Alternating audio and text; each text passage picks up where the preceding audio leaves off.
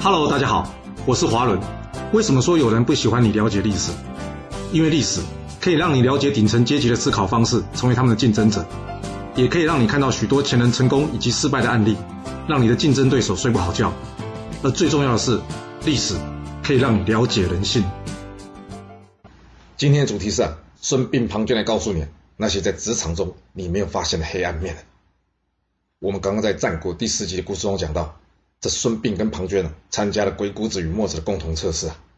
那这比赛结果呢，究竟是谁输谁赢，或是平分秋色，可能还是得交给你自己去评断。我们今天呢，不对这比赛结果进行评断，而是只是聊一聊这比赛的过程啊。其实啊，就算你不懂得算命啊，但是只要从人的思考方式啊，对于一个人判断呢，你还是可以推估出来几分的。而这关键呢，就在于你有没有关注细节，还是你只关注结果啊。以今天故事为例吧。孙膑用蜡烛的亮光呢，照亮整个山洞，而庞涓呢，则是用烟熏满了整个山洞。虽然结果一样，但孙膑的做法对人没有危害啊，然而庞涓的做法呢，则是对人有潜在的伤害。那或许用一件事情分不出来，我们接着看下面比赛吧。这孙膑呢，这巧妙的从人性出发，他善用语言的技巧，请出了这两位老师。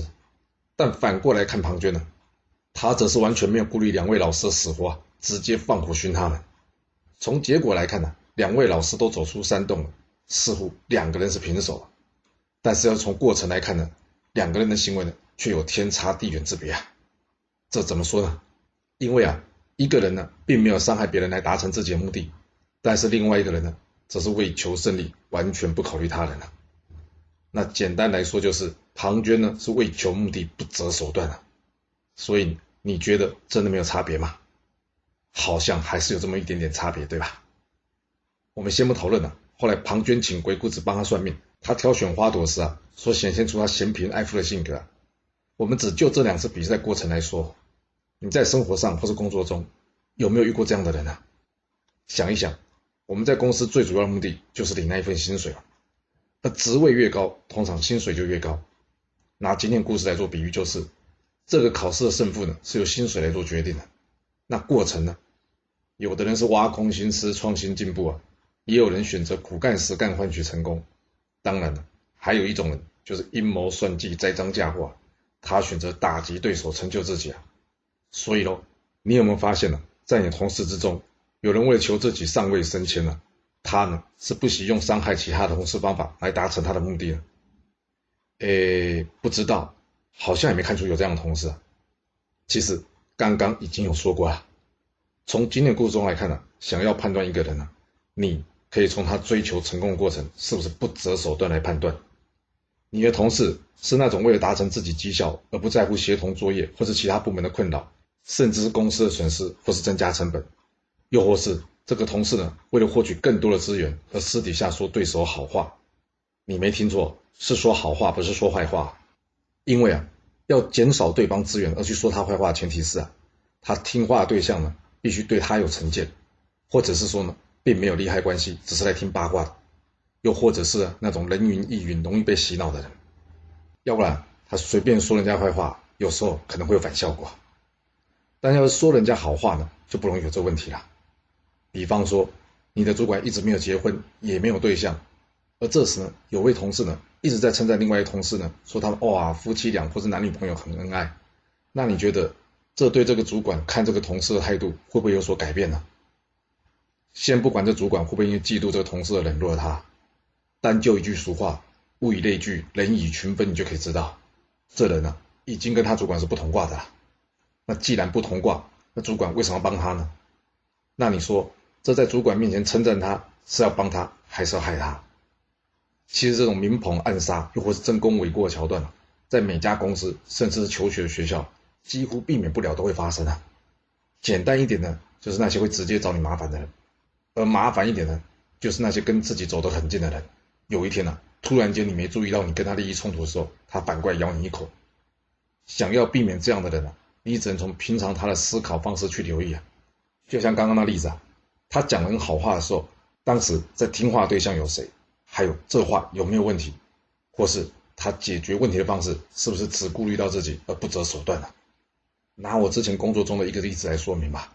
当经济大环境越来越差的时候，这业务部门为了提升利润，达到公司交付的目标，你觉得应该要怎么做？正常的方式是什么？行销、促销、改善产品、改善服务等等。但这些呢，不是需要时间，就是额外投资，要不然就是损及自己的毛利。那身为业务主管，你应该要怎么做？给你看看我老板怎么做的吧。来一头呢，调升对经销商的提货价格；而另外一头呢，用一个专案，短暂的同意呢，开放经销商们在原先授权领域以外的其他领域啊进行销售。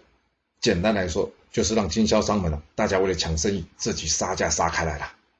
这怎么说呢？因为一旦进货成本提升了，就表示利润会下降。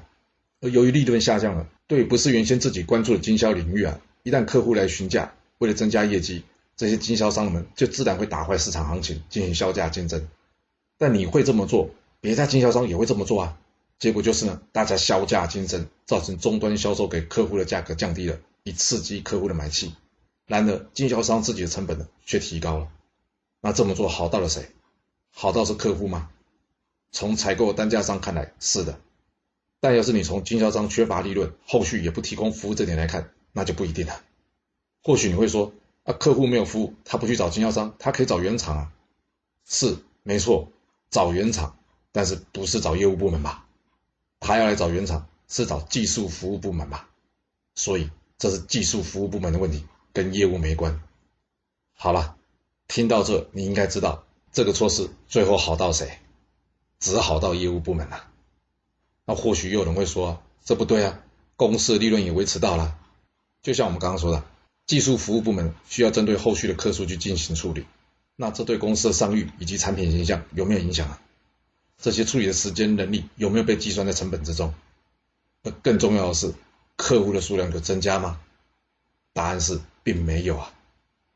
很多人呢，常常会不经意的流露出自己做事的想法，只不过呢，我们常常会用事不关己、己不关心的心态来处理。